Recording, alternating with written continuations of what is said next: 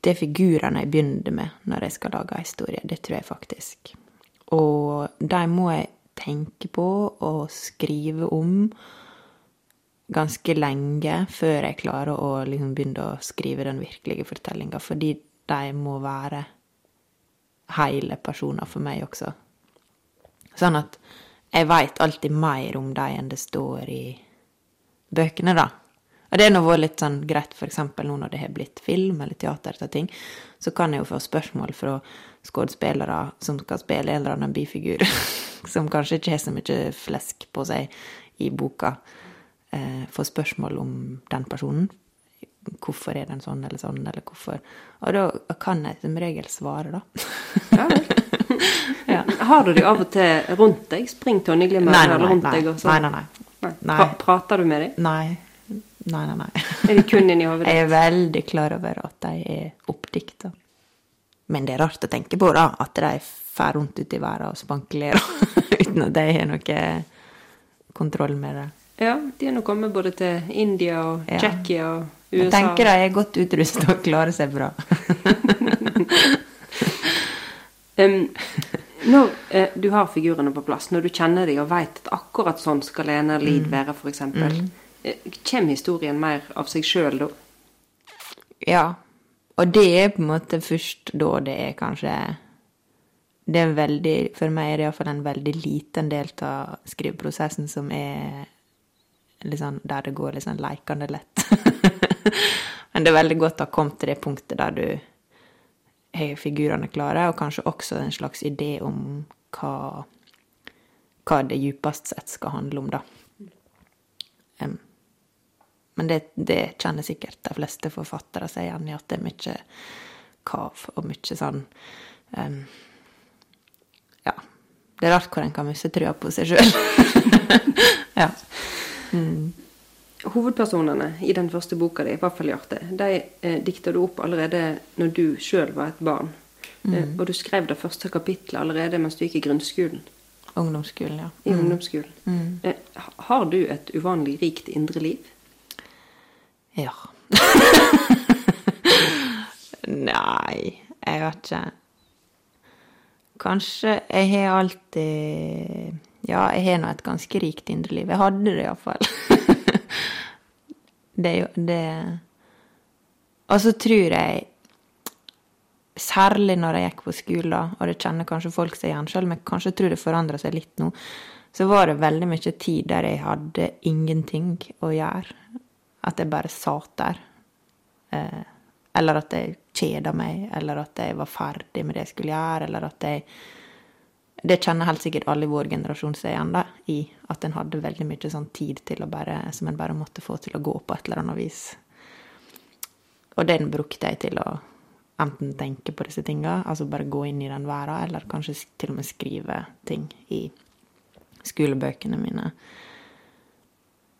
Og så har jeg tenker på nå at det kan hende det hadde vært annerledes nå hvis jeg hadde en datamaskin med internett på.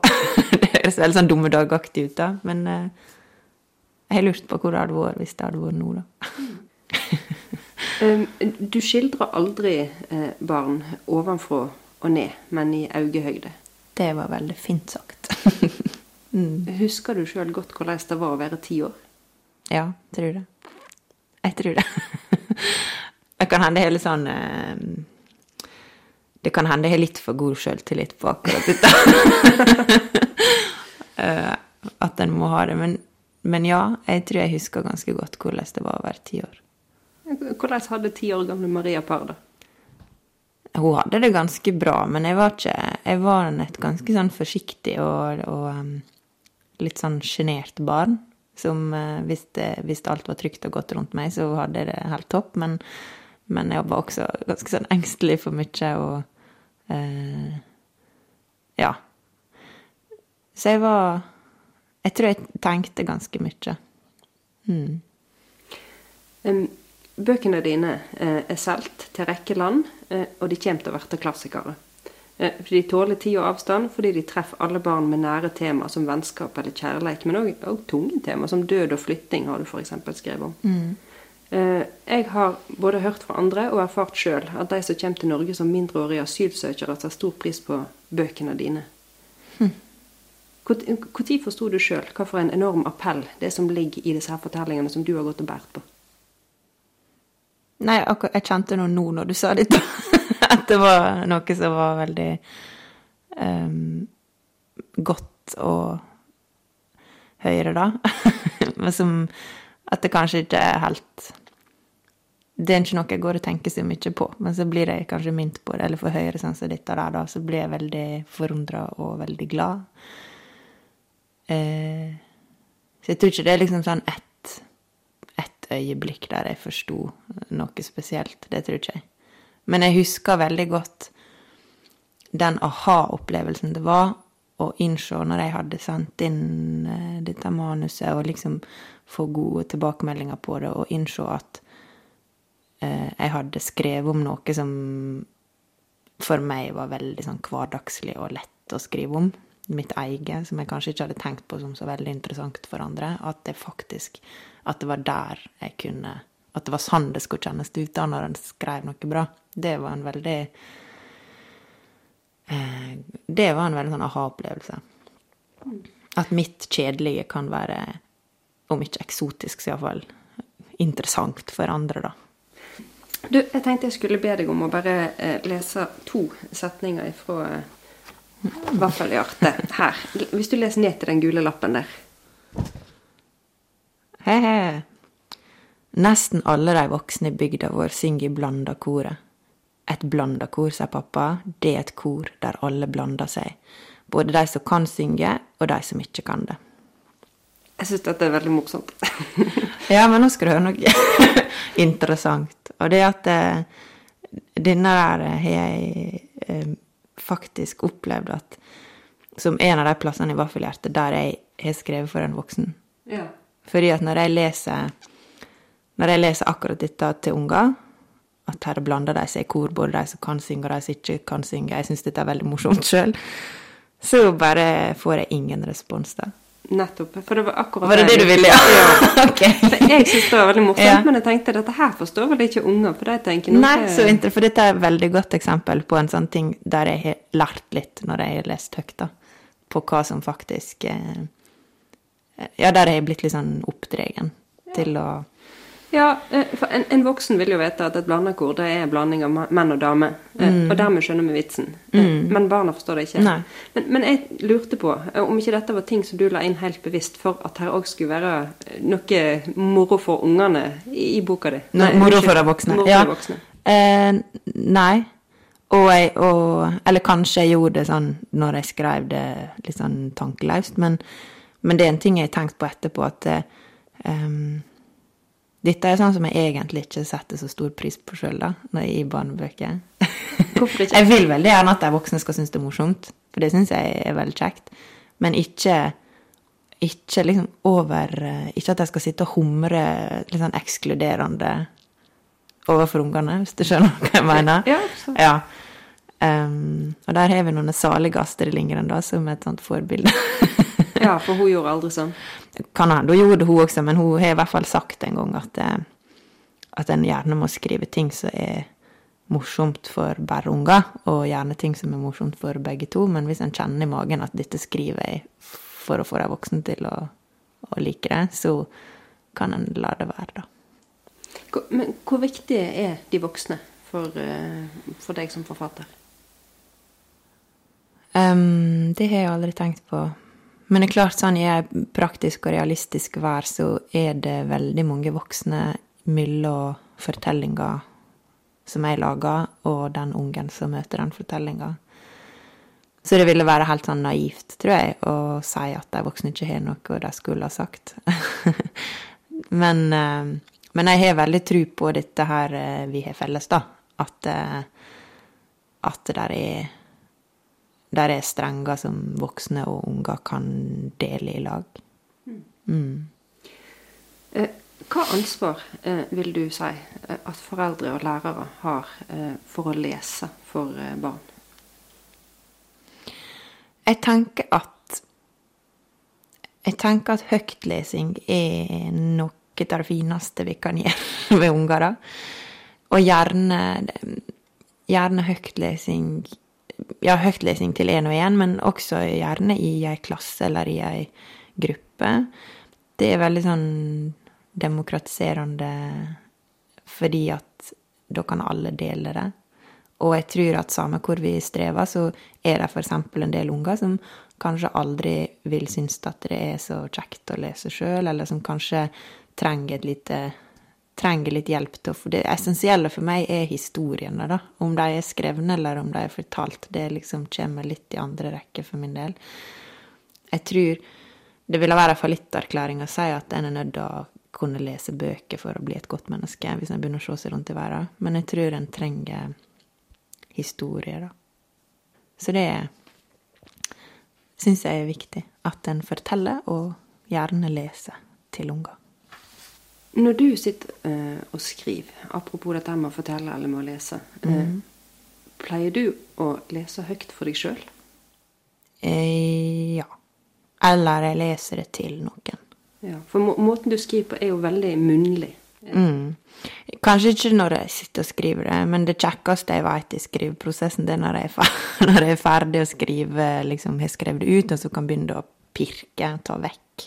Det er sikkert det mange syns er kjedelig, men det syns jeg er kjempekjekt. å sitte og liksom stramme inn og, og få det Få vekk alt som ikke Og det merker han veldig godt når han leser høyt.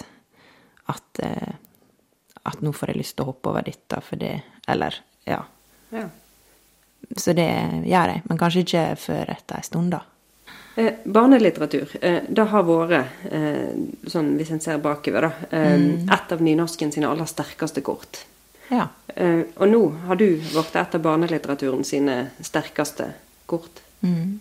Hva type barnebøk mener du at vi trenger mer av?